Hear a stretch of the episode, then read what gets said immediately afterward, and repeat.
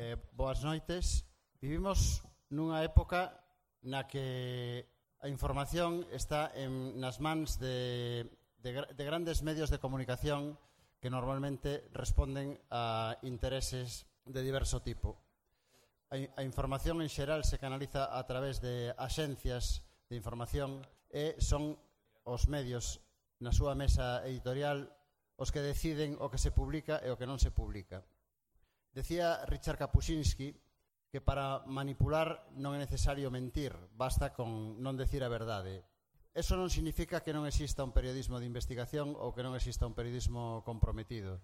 Eh, neste caso, eh, todos os fotógrafos invitados á campa responden a ese perfil de fotoperiodista de primeira liña que busca información de primeira man e que mm, bueno, moitas veces arrisca a súa vida para que esa información non quede desapercibida e saia a luz. Hoxe temos aquí, non me vou enrollar moito porque temos pouco tempo, por desgracia vamos moi apretados no programa, pero temos aquí a, a dous exponentes deste fotoperiodismo eh, comprometido, deste fotoperiodismo necesario, absolutamente necesario, para que as historias, aínda que non se conten nas, nos grandes medios, se, se conten en foros ou en espazos como pode ser a campa ou como poden ser o, outros moitos sitios onde expoñen a súa, a súa obra e dan conferencias. Vou empezar por Javier Bauluz, que vai a ser o segundo que vai a intervir, que está a esquerda eh, con pelo blanco, barba blanca e camisa blanca, que non sei a que me recorda.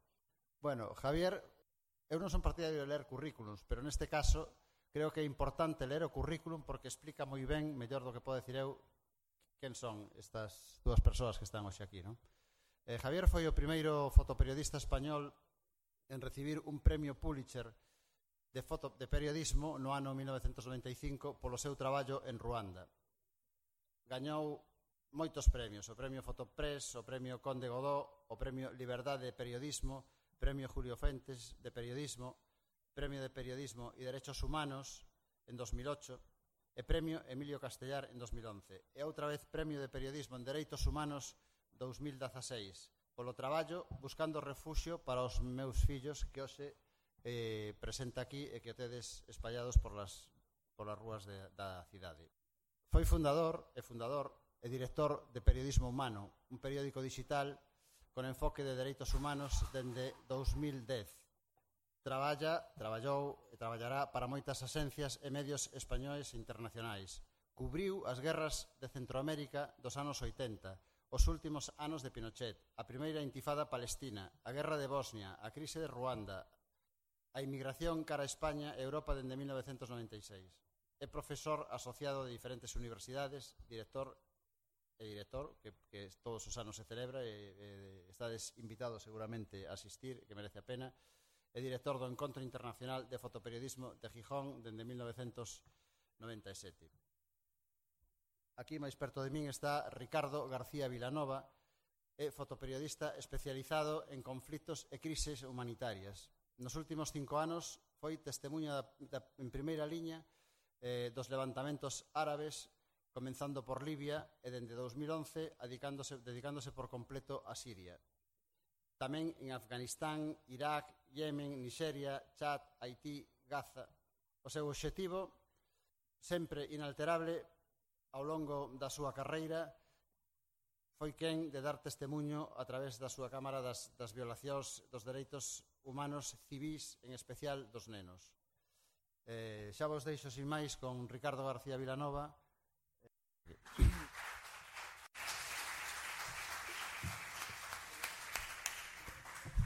Hola, buenas tardes. Bueno, yo básicamente lo, lo, que había preparado era una exposición de 42 imágenes que vienen a ser el resumen de, de, lo que ha sido el conflicto de Siria y posteriormente la extensión a Irak en estos últimos eh, cinco años, desde el 2011 hasta ahora, hasta fecha de hoy.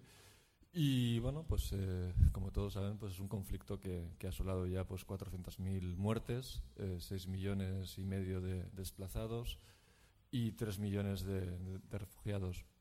Básicamente el conflicto se empieza en, en 2011, ya dentro del marco de las primaveras árabes, y a diferencia de, de otros países, eh, Siria junto con Libia es un, bueno, justamente estos dos son los que desembocan en, este, en esta guerra, digamos, que que a día de hoy perdura. ¿no?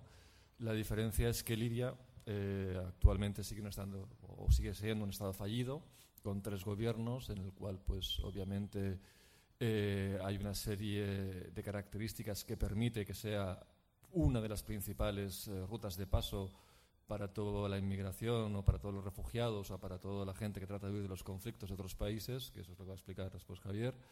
Y, parte de esta masa, digamos, de gente que viene huyendo de esos conflictos, pues pertenecen al conflicto de Siria, ¿no? que es lo que ahora vamos a explicar.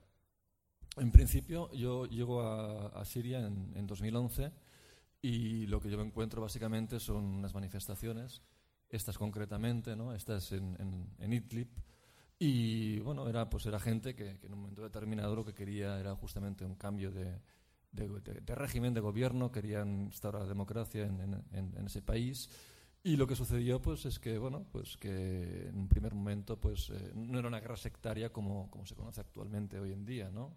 Estaban pues, los, los, sunitas, estaban los chiitas, estaban los kurdos, estaban los armenios, estaban los cristianos incluso, todos alineados en una base de lucha común pues, para derrocar a ese régimen que en un principio pues, les llevaba bien con el padre, después con el hijo, pues eh, masacrando desde hacía años, ¿no? En un primer momento, pues lo que hacían era manifestarse en, en las calles, en las plazas de las, de las ciudades y, bueno, pues eh, eran manifestaciones totalmente pacíficas y lo que sucedía pues es que cuando eso empezó a darse, el régimen empezó a, a tomar represalias sobre la población civil, ¿no? En un primer momento, las primeras fueron situando francotiradores alrededor de las manifestaciones, de las plazas o de las casas y disparando sobre la gente. Eran como digamos eh, muy selectivos, a lo mejor mataban una, dos o tres personas, lo suficiente para que la gente evidentemente se dispersara y esperara al siguiente viernes, ¿no? Y así pues fueron incrementando eh, paulatinamente hasta llegar a, a, lo que actualmente se ve, ¿no? en las noticias de, todo este tipo de cosas, de armas químicas, de, bueno, de todo este tipo de barriles de TNT y que han ido utilizando posteriormente. ¿no? El mismo sistema que utilizó Gaddafi, lo que pasa que Gaddafi, a diferencia de, Assad, los movimientos que hizo fueron en ese sentido pues, pues bastante más desafortunados y, finalmente terminaron con su régimen y Assad ha conseguido pues eh, ese establecimiento de punto de decir o soy yo o es el terrorismo y Occidente mm, lamentablemente lo ha comprado. ¿no?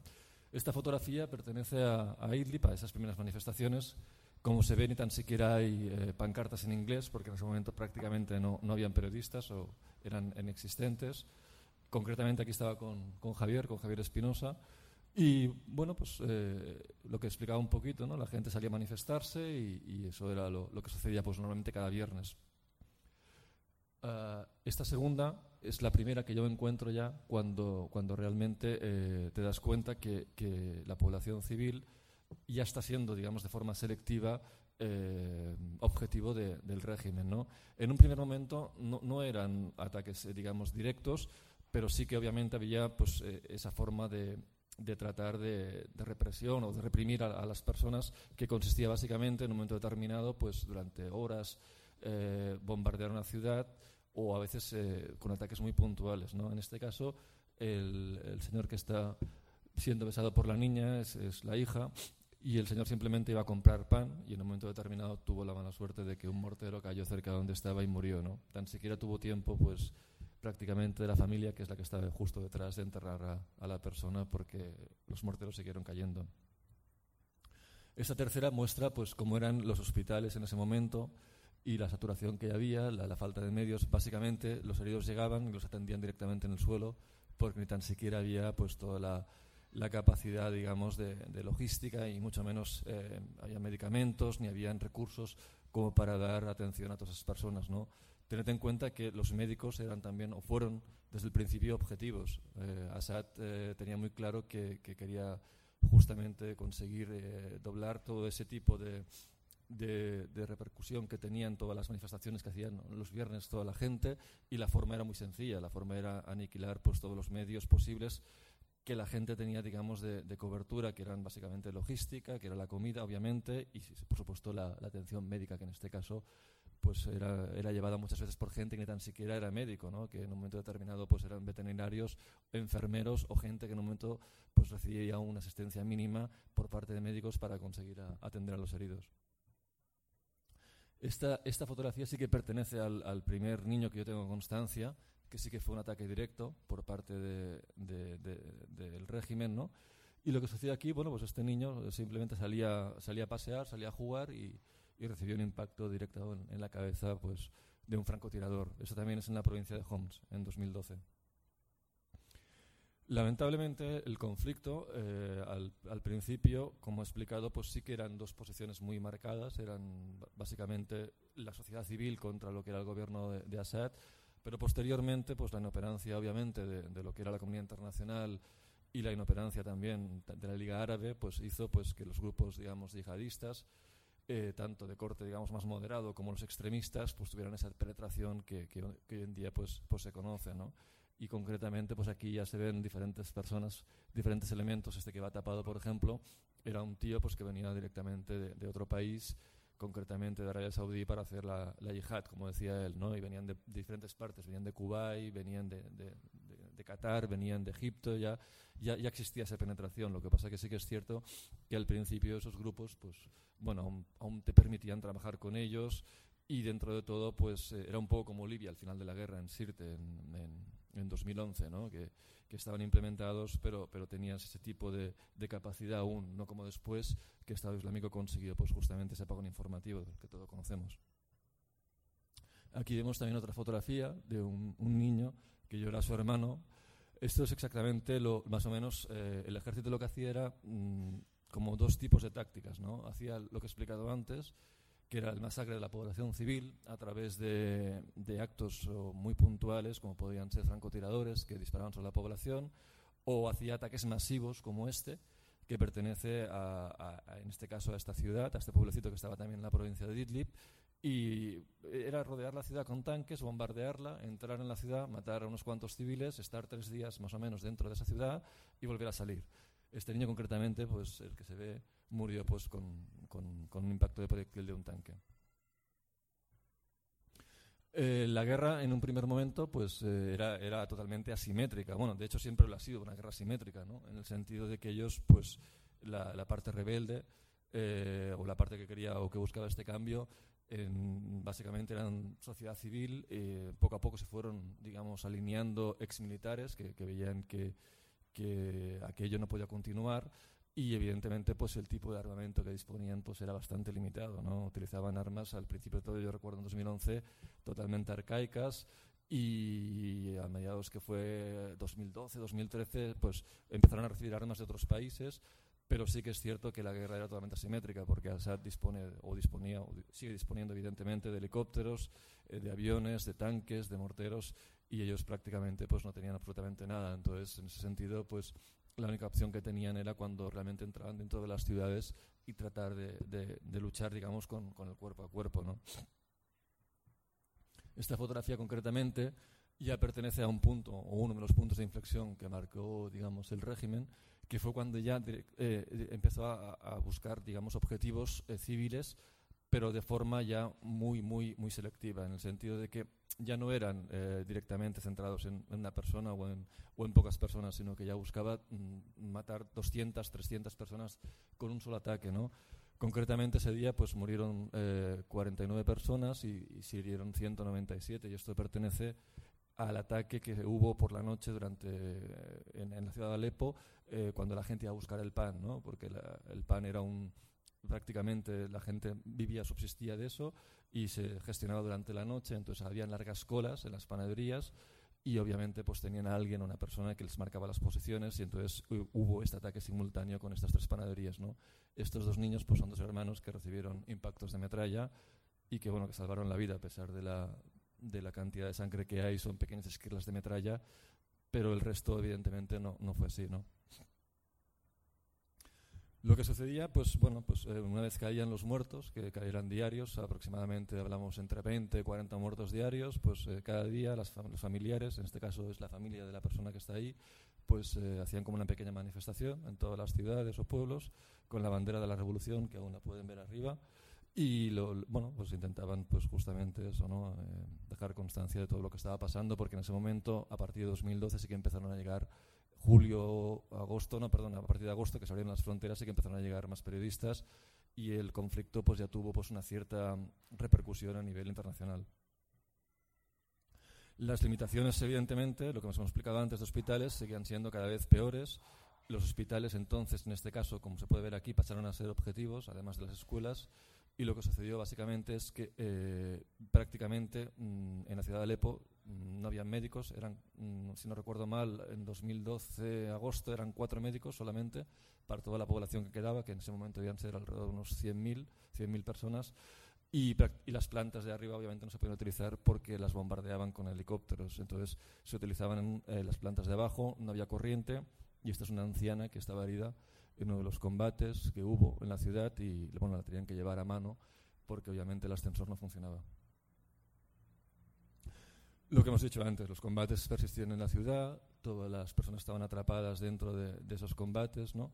Y aquí pues sí que es cierto que a partir de, esa fecha, 2012 más o menos, pues sí que empiezan a recibir una cierta logística en cuanto a armamento, en cuanto a instrucción militar, pero aún así sigue siendo una guerra totalmente asimétrica y evidentemente pues eh, los resultados es que cada día pues siguen habiendo entre 30 y 40 personas de forma diaria, ¿no? Muertes, fallecidos.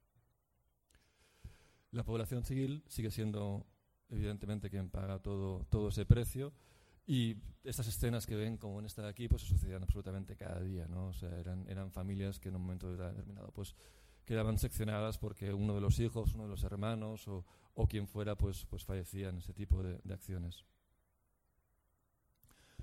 Los refugiados, aquí más o menos, es cuando realmente empiezan a moverse dentro de las poblaciones. ¿no? En 2012, mediados de 2012, es cuando la gente empieza a tratar de huir de Siria, pero no, no todavía no tienen ese acceso, a principio estoy hablando, ¿eh? no tienen todavía ese acceso y lo que hacen es que se mueven a otras ciudades donde no están aún en, esa situación, ¿no? porque lo que hacía el gobierno básicamente es que iba marcando como zonas, ¿no? se concentraba por ejemplo en la ciudad de Alepo o en la ciudad de Idlib y como no tenían aún la cobertura suficiente de soldados como para dar, eh, digamos, eh, la retención a todos esos núcleos, lo que hacía la gente es pues, que se movía dentro de ese país y se crearon esos campos dentro de la propia Siria desplazados internos. Obviamente los niños es una parte, o quizás ha sido una de las partes, digamos, más, más castigadas dentro de todo eso, porque eran los, los que más, eh, digamos, en ese sentido, pues tenían esa posición más débil, ya que muchas de las familias que tenían pues eh, estaban los padres estaban luchando, las madres digamos estaban en casa y, bueno pues eh, recibían todo ese tipo de, de, impactos normalmente cuando llegaban los morteros o cuando nadie los controlaba que en un momento determinado se encontraban en la calle y pues caía pues un cohete un helicóptero o un barril de TNT en este caso es un niño pues que perdió parte de la oreja el padre murió y está bueno pues siendo intervenido en un hospital que después fue destruido y que además además pues como se puede ver ni tan siquiera hay electricidad están utilizando pues un cómo se llama esto un, un foco, un foco de estos que se pone en la cabeza. ¿no?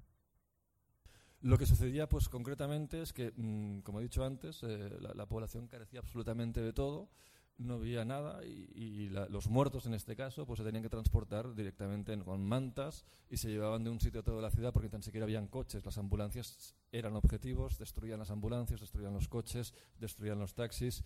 Entonces la gente, pues bueno, se se intentaba pues adecuar todo eso y lo que hacían pues eh, era justamente eso cuando había un fallecido dentro de, una, de un núcleo familiar lo que hacían es trasladarlo hasta el cementerio de forma rápida para, para conseguir pues pues volver otra vez a las casas o a los sótanos de las casas para estar seguros en el caso de que hubiera otra vez ese tipo de ataque ¿no? que sucedía de forma diaria esto es una manifestación de un niño que acaba de perder a su hermano y bueno pues muestra parte de los proyectiles que han utilizado pues con, contra ellos ¿no? en este caso pues se ve pues ahí el, el, resto de un mortero, un proyectil de gran calibre, que esos, esos proyectiles que tiene a mano, a mano izquierda son los proyectiles que cuando disparas contra un cuerpo directamente parte el cuerpo por la mitad y balas de pequeño calibre pues, que utilizaban pues, cuando entraban dentro de, esas ciudades. Esto, bueno, esto es un, hospital, es el hospital de la Shifa, que luego se hizo famoso porque fue uno, el primer hospital digamos, que, que se destruyó totalmente dentro de la ciudad de Alepo. Y esto es la recepción, y tan siquiera ya podían utilizar lo que he explicado antes, ¿no? en las primeras plantas, porque estaban absolutamente desbordados, porque cada día recibían pues entre 20, 30, 40 heridos, en el mejor de los casos, y, al final pues todos estaban pues los tenían que digamos adecuar en, la propia recepción del hospital porque tan siquiera tenían espacio para dentro de los box o dentro de las, de las salas donde tenían para adecuar para tratar los heridos y quedaban aquí apilados ¿no? Esto era uno de los, de los centros donde, bueno, una habitación, digamos, mortuoria, donde los, conservaban los cuerpos, pero lo hacían de forma muy breve, porque lo que sucedía es que eh, no tenían tiempo ni tan siquiera de enterrarlos, porque el problema es que mm, los, los ataques normalmente se sucedían de forma consecutiva y prácticamente esperaban a que hubiera una pequeña pausa entre ataque y ataque, los tenían aquí en esta especie de, de, cámara, ¿no? y entonces en, en, cuestión de media hora, un cuarto de hora, iban, hacían el funeral y luego volvieron otra vez a las casas, ¿no? y esto es parte de, de la familia que estaba en este caso velando los cuerpos. Bueno, en este caso pues, es otra, otra escena de las que sucedían cada día. Eh, concretamente, esta es en la ciudad de Alepo. Este es el padre que está llorando la muerte de su hijo y el hijo, pues bueno, básicamente lo que hizo fue en un momento determinado uno de los helicópteros que estaba sobrevolando la ciudad, que lo hacía de forma de forma diaria, disparó un, misil. Entonces el, chico este vio un niño, fue a salvarlo y, justo cuando este, tenía el niño en brazos, el, el, helicóptero pues disparó otro cohete, mató al niño, mató al hijo y, lo que explicaba un poquito antes, ¿no? El, el, funeral pues, se hacía de forma rápida, pues, pues justamente porque cada día había ese tipo de ataques, que eran muy puntuales en un principio, lo que pasa que sí que es cierto que Assad iba tensando esa cuerda de forma diaria y viendo que no pasaba absolutamente nada, pues primero, digamos, lo, lo hizo con helicópteros, bueno, primero empezó, perdón, con tanques, después fueron morteros, después fueron helicópteros, después fueron aviones, de los aviones pasamos a los barriles de TNT, de los barriles de TNT pasamos a la famosa línea roja del presidente Obama, que eran las armas químicas y que no pasó absolutamente nada, y de ahí pasamos a los Scuds, que eran estos misiles que, bueno, que, dejaban siete manzanas totalmente planas y arrasadas. ¿no? Esto es una, una, cueva, eh, concretamente en Idlib, de refugiados internos, de lo que hablábamos antes, y pertenece, pues esto es en 2013, principios de 2013, y eran 400 personas que estaban eh, bueno, pues viviendo en estas condiciones precarias en una cueva, obviamente, en la que no había ni tan siquiera agua, luz ni electricidad en medio de los combates que, que tenían lugar en la provincia entre el régimen y, los soldados. Esta foto ya pertenece pues, eh, a lo que yo llamo el punto de inflexión y el momento en que la revolución pues, obviamente se perdió, ¿no? cuando ya tuvo la implementación, estos grupos, digamos, eh, yihadistas de corte más ya extremo y, la aceptación por parte, obviamente, de la población, porque al final nosotros eh, no olvidemos que tenían tres opciones, básicamente, que era una era quedarse y morir, la segunda era tratar de huir de la ciudad o la, tercera, digamos, era eh, adherirse a estos grupos y luchar, ¿no? El problema es que la logística eh, el dinero, las armas, eh, lo recibían, digamos, directamente de los países del Golfo, lo, recibían de Qatar, de Arabia Saudí y otros países, los financiaban, les armaban, les daban dinero y todo esto se derivaba pues hacia esos grupos que obviamente son los que realmente pues pues estaban ahí luchando, ¿no? Entonces la población civil en un momento determinado los, los valoró o pensó que podía ser una opción. Parte de la población, obviamente, no todos, no todo fue así, pero sí que hubo una parte que, que creó o creyó que eso sería una opción. Lo que pasa es que no se dieron cuenta después del, precio que iban a pagar por eso, ¿no? Entonces, en un primer momento, eh, digamos que habían tres grupos primordiales. Uno, uno era Agrar al-Sham. Agrar al-Sham, eh, al igual que Daesh, al igual que Jabhat al-Nusra, sí que buscaba la instalación de un Estado Islámico pero digamos que tenían un corte, digamos, en ese sentido más abierto, más democrático, porque lo que buscaban, entre comillas, obviamente, era ganarse la población pues eh, eh, con, escuelas, dándoles comida, mantas, y, no buscaban un, un, régimen o una especie de sharia tan radical como la que tiene actualmente el Estado Islámico. ¿no? Ellos lo, que pretendían es que la población les aceptara como opción válida. Después de ahí pasamos a, a Jabhat al-Nurra, que básicamente era Al-Qaeda, y, cuando esta opción ya no funcionó fue cuando ya empezó a entrar ISIS más o menos, que fue eso en verano, yo la primera vez que vi a gente de esta fue en, 2012, en verano de 2012, que en un primer momento pues era gente que venía de otros países y se empezó a mezclar con gente siria y a partir de ahí pues se, se hicieron fuertes, sobre todo en la, en la, zona de Idlib, sobre todo en la zona de, de, Homs y también en Alepo. Y lo que sucedió pues es lo que todos sabemos a día de hoy, ¿no? que hay una guerra abierta entre, Estado Islámico, digamos, y actualmente, pues en el caso de Irak o en el caso de Siria, pues con los diferentes grupos que están operando en contra de ellos. Esto pertenece también a una de las escenas diarias en la que había, pues lo que explicaba, ¿no? bombardeos por parte del régimen, pues con helicópteros y con aviones. Concretamente, este día murieron siete niños en una casa totalmente destruida, ¿no? Ese es el segundo punto de inflexión cuando la guerra ya se extiende a Sinjar, eh, en Irak. Entonces, el, tema es, que toda esa guerra, digamos, ya llega a, países vecinos, sobre todo en Irak, ¿no?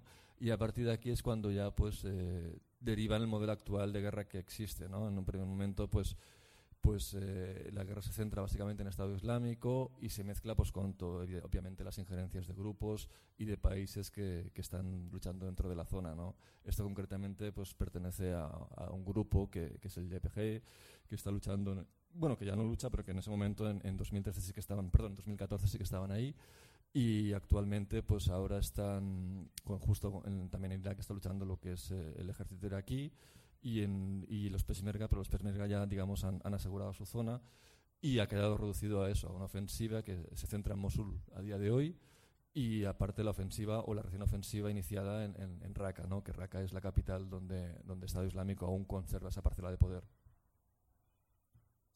Esto pertenece a la primera gran pérdida de, de Estado Islámico en, en, la ciudad de Kobani, en Siria. Es una ciudad pues, que es, es justo fronteriza con Turquía y para ellos eh, representa pues el primer realmente golpe eh, el momento en el que pierden pues justamente la, el poder en esa ciudad ¿no? para ellos eh, ese es el punto de inflexión o el, principio del fin de todo lo que es la, la, eliminación del Estado Islámico ¿no? no nos olvidemos que al final el, el, lo que es Estado Islámico basa eh, digamos, su fuerza en el terreno que ellos tienen dentro de, de, de, de esos países, ¿no? dentro de, Siria, dentro de Irak, obviamente cuando tienen en Libia y la implementación que tienen en otros países en forma de grupo. ¿no? Entonces, si tú, evidentemente, le quitas ese terreno, ya no se pueden denominar Estado Islámico, simplemente será un grupo terrorista que obviamente seguirán haciendo eh, lo que hacen, porque eh, es, es, obvio que cada mes o cada tres semanas o cuatro tenemos uno de esos ataques en Europa, ¿no? Pero, pero eh, la fuerza, digamos, que, que, tienen ahora mismo como, como Estado, pues desaparece, ¿no? Y ese fue, pues, eh, justamente el principio del fin, ¿no? De, de, en la ciudad de Kobani, en 2015. Esta es una, una mujer que llora, pues, justamente a, a, su marido, que, que pereció en esa batalla, con sus hijos al lado. Y esto pertenece justamente al principio del Estado Islámico cuando entraron en Kobani, no, no cuando obviamente los derrotaron, sino cuando entraron, había una niña que se llama Silava, como se ve, que tenía 10 años y que, bueno, pues cuando ellos entraron en la ciudad, pues lo, primero que hicieron, obviamente, pues fue empezar a hacer ejecuciones y básicamente lo que hacían era atar a las personas, eh, las manos en la espalda y, les cortaban la cabeza, ¿no? Y esta niña pues estaba presente, eh, imagino que debía ser un familiar suyo, no lo sé, y hizo este dibujo. Eh, Silaba es esta niña de aquí, la, que tiene el, el chándal de color azul, la, ah, justo la que está lado del niño rojo, dentro de un campo de refugiados en Turquía. Esto pertenece también a Kobani. Y bueno, pues esta, imagen ya, es cuando la, la, ciudad es liberada y cuando pues, la vida más o menos regresa a la propia ciudad, las familias vuelven y vuelven a tomar parte de la ciudad. Lo que sucedió igualmente es que la ciudad quedó arrasada en un 70%, y realmente la vida era, era complicada, ¿no? Pero, pero parte de la normalización pues fue eso, recuperar todas las familias o parte de las familias que quedaban con vida y devolverlas a la ciudad.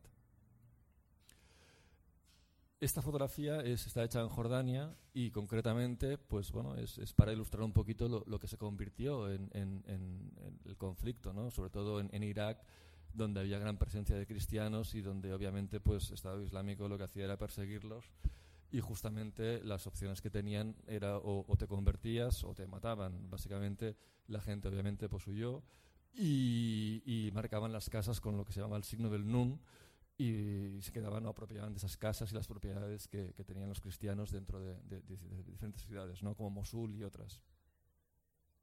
Esto pertenece ya a la primera ofensiva de los Peshmerga, eh, hace un año, más o menos, un año y medio, y fue cuando empezaron a luchar ya contra Estado Islámico en, en los perímetros cercanos, no, no, a Mosul, ¿no? Ellos intentaron delimitar sus nuevas fronteras y, bueno, y están esperando ahora pues a ver qué opciones tienen con este nuevo referéndum. Esto es la población civil que trataba de huir de las ciudades donde se sucedían los combates, normalmente lo hacían de noche y lo que hacían básicamente pues era eso, atravesar los campos y si tenían suerte pues conseguían llegar a ser rescatados pues, pues en este caso por, por soldados peshmerga que se ven al fondo de, de, de los niños ahí, justamente. Estas también son escenas de, de, día a día, de la línea de frente de los pesmergas, Y esto ya pertenece a, la última ofensiva, digamos, de, Mosul, que ahora ya, obviamente, ya no está liderada por los Peshmerga, porque hablamos de territorio iraquí.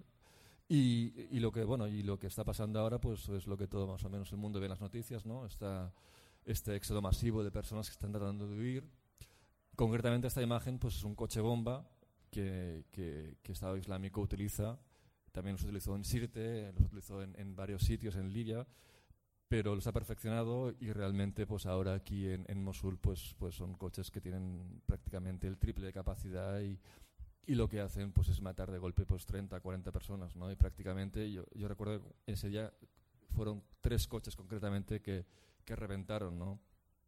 Y obviamente les, les da igual, o sea, no buscan objetivos militares, pero también van contra población civil. Eso forma parte de, la batalla en Mosul, de lo que es el día a día también. Es un poco lo que explicábamos antes. Al final ellos eh, saben que tienen la población civil como arma, Estado Islámico obviamente, entonces no, no pueden, digamos, el ejército aquí no, no puede hacer la, la, opción o, o, la táctica que tuvo en Kobani que fue arrasar la ciudad. Y lo que tienen que hacer es luchar casa por casa. Entonces tal es el problema que, que se ha convertido justamente en sentido en, en una demora de meses y de sufrimiento para esta población que lo, lo, que lo que está padeciendo ahora mismo es en cada avance que, que tratan de, de, liberar una casa o una zona determinada, Estado Islámico normalmente lo que hace es ejecutarlos.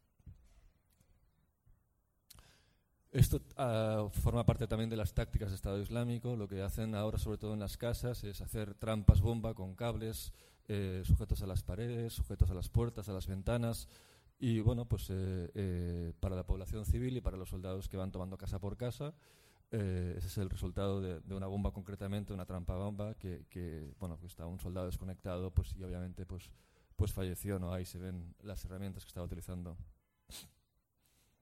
Esos son los hospitales que ahora existen, mm, más o menos en, la línea de lo, que hablábamos antes en Siria. Son bastante precarios en la línea de frente una escena más de combate de día a día en la ciudad de Mosul. Y eso, pues bueno, es lo que explicará Javier ahora, eso forma parte de, la población, digamos, que está tratando de huir concretamente pues para, para llegar a Europa, ¿no? En este caso, en ese día pues llegaron camiones y camiones en una operación que hizo la, Golden Division, que es una de las unidades, digamos, punteras que estaba luchando en ese momento, consiguieron entrar en la, población, liberar, digamos, a la gente esta y la gente pues huía, obviamente, para, para, para, bueno, pues para escapar de, todo, de toda esa locura. Esta imagen pertenece también a, refugiados que están abandonando la ciudad de Mosul. El cuerpo que hay ahí pues es un, el cuerpo de un yihadista que quedó abandonado. Al, esta, esta, esta escena es bastante, bastante dura, ¿no? porque realmente muestra pues, todo el contraste de lo que es la guerra, ¿no? lo que es la muerte, la destrucción y, la gente que justamente trata de huir de, eso. Eso forma también parte de los combates que suceden a día a día. Y esta última, pues es, es un poquito pues lo, lo, que hablábamos antes, ¿no? El tema de, todas las personas que tratan de huir de, de estas ciudades. En la mayoría son niños, porque los, los, los, digamos, los hombres han sido normalmente ejecutados por el Estado Islámico y, gran parte de esa composición son, son mujeres y niños. ¿no? Y básicamente, pues eso son las 43 imágenes que resumen estos seis años de guerra. Eh, y bueno, no sé si tienen alguna pregunta o algo de, todo lo que han, visto.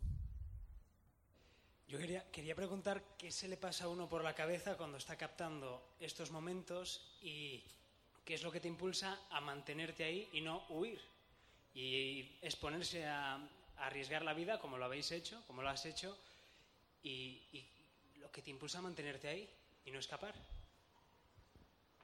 Bueno, es que yo, yo siempre digo lo mismo. Al final, eh, todas las personas que van a hacer este trabajo van porque quieren. Eh, nadie les obliga a ir. Entonces, eh, lo que tú sientas, lo que tú parezcas o, o lo que a ti te pase, yo realmente es que lo considero absolutamente relevante, ¿sabes? O sea, vuelvo a insistir, o sea, tú, tú eres el instrumento que va ahí, cuenta la historia y ya está, y nadie te obliga a hacerlo. Mm, eh, a partir de ahí es tu decisión personal quedarte o irte y el riesgo que tú asumes o, o, lo que tú quieres explicar forma parte del compromiso que tú crees que tienes. Nada más. ¿Alguna más? Quiero preguntar, por favor, ¿cómo se trataron a usted allí? la gente, la gente que están ahí, cómo la trataron. como periodista extranjero que está entre ellos. Y después ha visto que tú fácilmente podías sacar fotos a las mujeres en un entierro o un, donde está un muerto, que estaban llorando los muertos. Había problema para que usted saca fotos a las mujeres. ¿Dónde dormía? Bueno, la, gente normalmente... Eh, o sea, yo siempre... Lo, que yo veo en estos tipos de situaciones es que los códigos de conducta normales que tenemos aquí establecidos como sociedad quedan anulados en una situación tan extrema como esta. No, no, se rigen los códigos, digamos, que, que ahora mismo tenemos como personas. Entonces, ellos entienden en un momento determinado, sobre todo si asumimos, eh, digamos, eh, el principio de un conflicto siempre, no, no, no, no el desarrollo, pero sobre todo los principios, que, que, ellos quieren contar su historia y que el hecho de que haya periodistas o haya fotógrafos ahí, pues, pues forma parte de la visibilidad que ellos entienden que van a tener respecto a lo que está sucediendo. ¿no? Entonces, en ese sentido, yo nunca he tenido problemas de, de, aceptación, todo lo contrario, o sea, siempre han sido facilidades.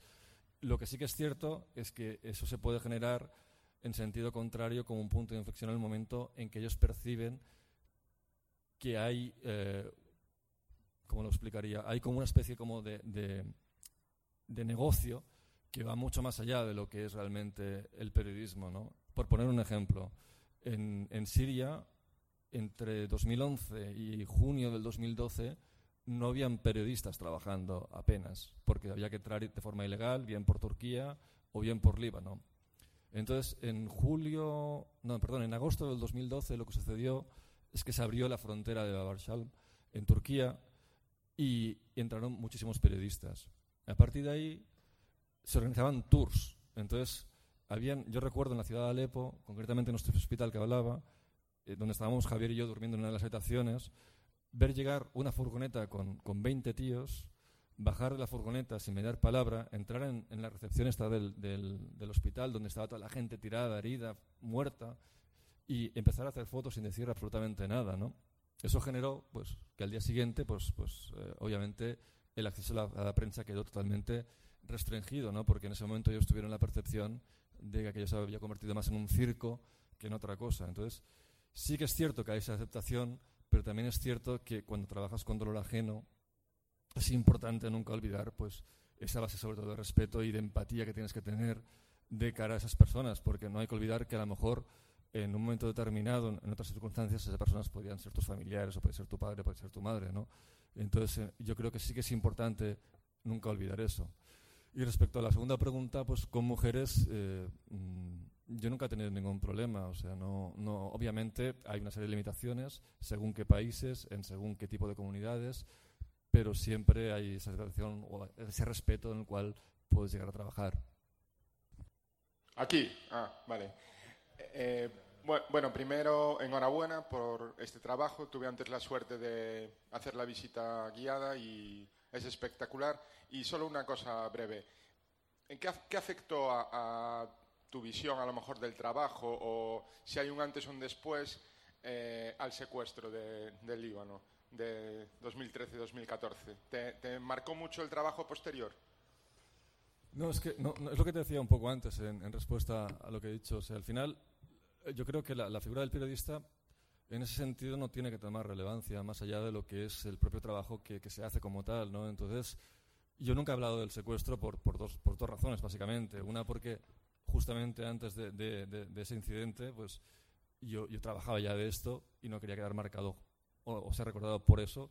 Y en segundo lugar, porque considero insignificante el hecho de, explicar una historia, en este caso mía personal, cuando hay pues eh, de forma diaria en este país o en otros países pues la muerte de 30 o 40 personas ¿no? entonces no, no, no, no me ha afectado en, en, ningún, en ningún sentido yo he seguido trabajando he seguido trabajando en Siria en Irak en Libia y en otros países y en ese sentido pues básicamente es lo que lo que intento hacer ¿no?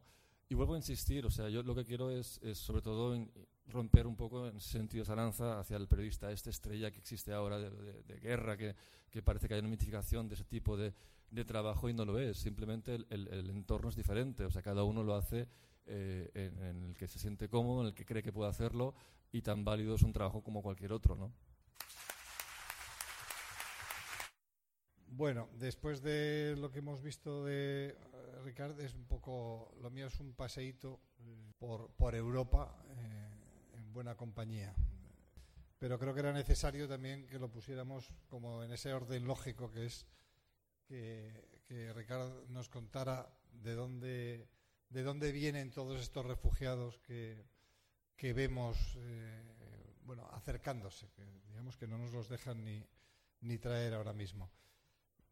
Yo os voy a mostrar un pequeño vídeo que son cinco minutos, que es el, un resumen en 60 fotos del viaje desde el momento en, que están llegando a, Europa, a las islas eh, griegas de Kos y de Lesbos, y después eh, cómo continúan a través de Grecia, Macedonia, Serbia, Hungría, Austria, Alemania, eh, ya me pierdo, eh, Holanda, eh, Francia y bueno y Luxemburgo que no que no está en este en este vídeo.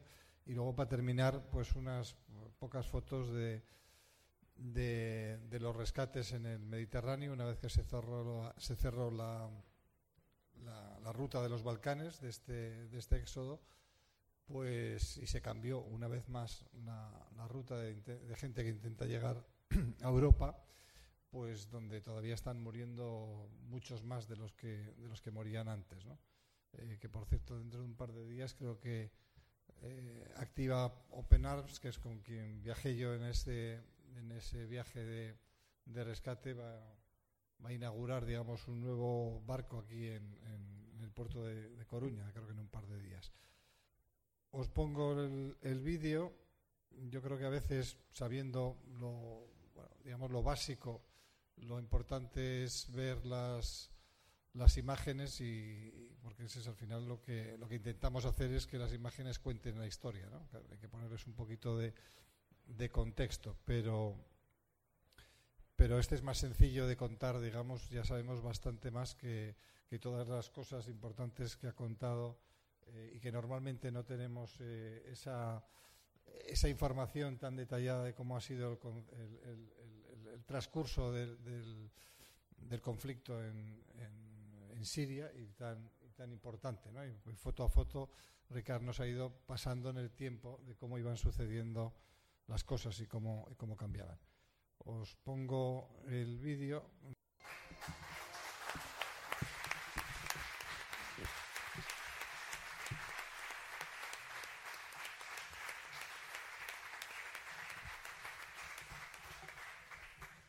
Bueno, eh, podría decir muchas cosas, no hay mucho tiempo. Eh, solo recordar que todas estas imágenes están hechas en Europa, en nuestro supuesto eh, continente, y bueno, no han sido bombardeados con helicópteros, no han sido bombardeados con tanques, pero desde luego el trato eh, que les hemos dado tanto durante el éxodo como, bueno, como, como, los que todavía no han podido llegar porque no les deja nuestro santo gobierno, esos, ni siquiera esos 16.000 que se comprometió hace año y medio, eh, es bastante vergonzoso, sobre todo cuando lo vives sobre el terreno y lo ves en las consecuencias eh, con las personas. ¿no? hay que decir que prácticamente todo este viaje lo han hecho por sus propios medios, sin ninguna clase de ayuda, incluso aterrizados ya en, Europa. No se les ha proveído de la ayuda básica eh, en casi en ningún, en lugar eh, de todo este viaje. Han sido maltratados, eh, insultados despreciados, eh, etcétera, etcétera, como si fueran delincuentes. Son solo gente que, que huye de la guerra. Una gran cantidad de ellos eh, que lo único que buscan es un, un, lugar seguro para que no maten a sus hijos, que vienen de ese, de, ese, de esos lugares como, como mostraban las fotos de, de, de Ricard, ¿no? Por hacer una reflexión un poco más, más allá de las eh, fotos eh, y, de, este, de, este, éxodo, yo creo que durante todo este, al principio el éxodo produjo una empatía en la ciudadanía eh, los primeros eh, meses, digamos, con el punto álgido con la foto de, de Ailán, famosa, pero que a partir del 1 de enero del 2016, eh, con, todos amanecimos en todos los eh, informativos, telediarios, portadas, etcétera, etcétera, con la noticia de que todas las mujeres de Colonia habían sido violadas por los refugiados, cosa que evidentemente eh, no era cierta. Pero ahí fue yo creo que el punto de partida de, la criminalización de, los refugiados como una amenaza para nosotros, en este caso para, para las mujeres. A continuación vinieron los atentados de, de París y de, y de Bruselas y ya no solo venían a violar a las mujeres, sino también a matar a nuestros, a nuestros hijos. Y comenzó esa carrera vertiginosa que, que llevamos en este último año y medio, eh, que es bueno, por la conversión de esa empatía eh, primaria o primera con una xenofobia galopante y donde creo que evidentemente parece que va ganando eh, ese discurso del odio al otro, de convertir a estas madres, padres, eh, hijos, personas al fin y al cabo, en, en lo que siempre se intenta en, en distintos eh, conflictos, ¿no? que es, en, yo digo, cucarachizar al otro, ¿no? convertirlo en una cucaracha para que así pues sea, no tengas ningún remordimiento de, conciencia ni de nada en pisar esa, esa, esa cucaracha. ¿no? Nos, nos están metiendo todo el día eh, que esta gente es peligrosa, que vienen a por nosotros, que vienen a invadirnos, eh, que son terroristas, eh, etcétera, etcétera. Eso mmm, ha llegado ya, digamos, a un punto, ya hace, unos cuantos meses, que el, problema de los refugiados, el llamado problema de los refugiados, yo creo que ya no es el problema de los refugiados, tampoco ya es nuestro problema con los refugiados, sino que creo que es nuestro problema. Eh, porque esto está determinando con toda esta, digamos, campaña continuada de, sobre los refugiados y los miedos al, terrorismo y demás, y ese discurso ha sido asumido eh, por, no solo por muchos medios de comunicación, sino también por muchos eh, ya no solo los partidos de extrema derecha, digamos, pequeños que están creciendo, sino por partidos eh, tradicionales, mayoritarios, que asumen ese discurso y que lo potencian, entre otras cosas, para ganar, para ganar votos y para seguir o conquistar el poder. Y estamos, bueno, pues, eh, pues en un momento en que en Francia digamos que hemos librado por un pelo. La señora Le Pen al final sacó un 34% de los votos. En Holanda el señor Wilders se quedó más abajo de lo que parecía que iba a ganar. Eh, pero seguimos un poco en esa dirección. El Brexit y la señora May, que el otro día directamente ya dijo que iba a abolir las leyes de derechos humanos para hacer lo mismo que hacen a los que ella dice combatir, o sea, para combatir el, terrorismo. Yo creo que estamos en un punto muy, muy fuerte, o no sé cómo, cómo decirlo, de, de, Europa, del mundo en general, pero de Europa, en el cual debemos decidir si vamos hacia una Europa de los derechos humanos o vamos a una Europa de un nuevo fascismo. Porque si nos quitan lo único, digamos, que tenemos, por lo menos en común, de todo, aparte de la, del euro y todas esas cosas, que es eh, pues ese concepto de los derechos humanos por, por, por, bandera y que desde luego se está últimamente digamos llegando a unos niveles eh, de violación eh, muy grandes y sobre todo normalizando. Y el problema es que cuando las cosas se normalizan eh, pasa lo que pasa eh, lo que ha pasado en, en, Europa por ejemplo hace muchos años y ya no vale solamente la las, la, la, democracia y que la gente vote. Si la gente vota eh, engañada, mentida, manipulada, etcétera, etcétera, pasan cosas como pues, el señor Adolfo Hitler, que llegó al poder por elecciones, cosa que se nos, se nos, se nos pasa. Yo no estoy dando ninguna solución, yo esto creo que es la, la visión de, lo que está sucediendo. Pronto, dentro de unos meses, serán las elecciones en Austria, donde en las presidenciales eh, el candidato ultraderechista ganó 46% de los votos. Serán en Alemania. Parece que la señora Merkel resiste y se ríen mucho de mí, muchos amigos, pero es la única gobernante que permitió, vamos, directamente que puso a salvo en lugar seguro a un millón de, de refugiados durante, esta, durante este éxodo. Parece que, curiosamente, quienes más refugiados tienen ahora mismo, que son los alemanes, no, son, no están siendo precisamente los más eh, xenófobos. ¿no? países como Inglaterra, que fue de los que menos refugiados recibió durante este éxodo, son los que a través de esas campañas de, xenofobia, de noticias falsas, de manipulación, etcétera, etcétera, pues están más, eh, más agresivos. Eh, bueno, ahí lo dejo porque si no me puedo seguir liando mm, muchísimo. Gracias.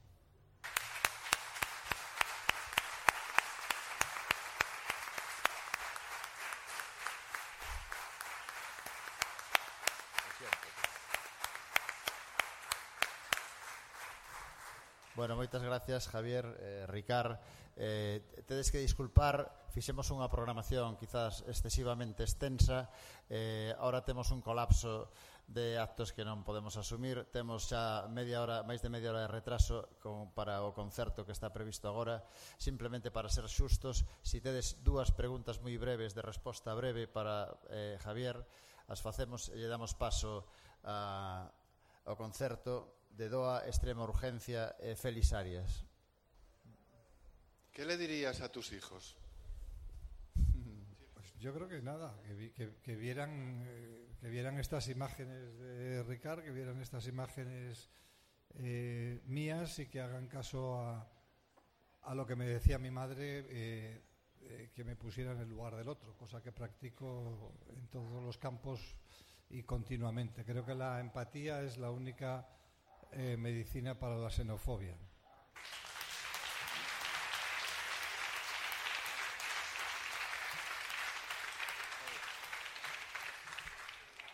Hola, eh, a min gustaríame preguntar, bueno, de decir que as imaxes son moi fortes, eh, moi impactantes, e gustaríame saber se me podes explicar un pouco onde está o límite entre a información e o simple morbo nunha instantánea. Bueno, yo siempre digo que yo intento hacer las eh, fotografías de, manera que vayan al corazón o, y a la cabeza y no al, y no al estómago. Yo creo que esa es cada situación tiene su momento y tienes que tomar eh, decisiones, pero como bien decía eh, Ricard, en el 90% de los lugares de conflicto las víctimas normalmente están eh, deseando que alguien mire para ellos, que alguien les haga caso, que alguien cuente lo que les pasa, porque muchas veces esa es ya su última, su última esperanza. ¿no? Eh, no, si, si, eu engadiría porque, claro, son as imaxes de guerra, o pode decir mellor Ricardo Camín, son fortes por necesidade, é dicir, hai que informar deso, é unha realidade. O que hai que ter eh, cuidado de onde está o morbo, sino que informa ou no observador, que a veces tamén sucede eso, non? Non queremos ver cousas e nos parece morbo. Temos que deixalo aquí. Moitas grazas. Eh, gracias sobre todo a Javier e a Ricard porque, bueno, eh, o seu traballo é importantísimo para coñecer a verdade. E sin máis damos paso a, aos músicos. Eh, eh, lles pedimos disculpas.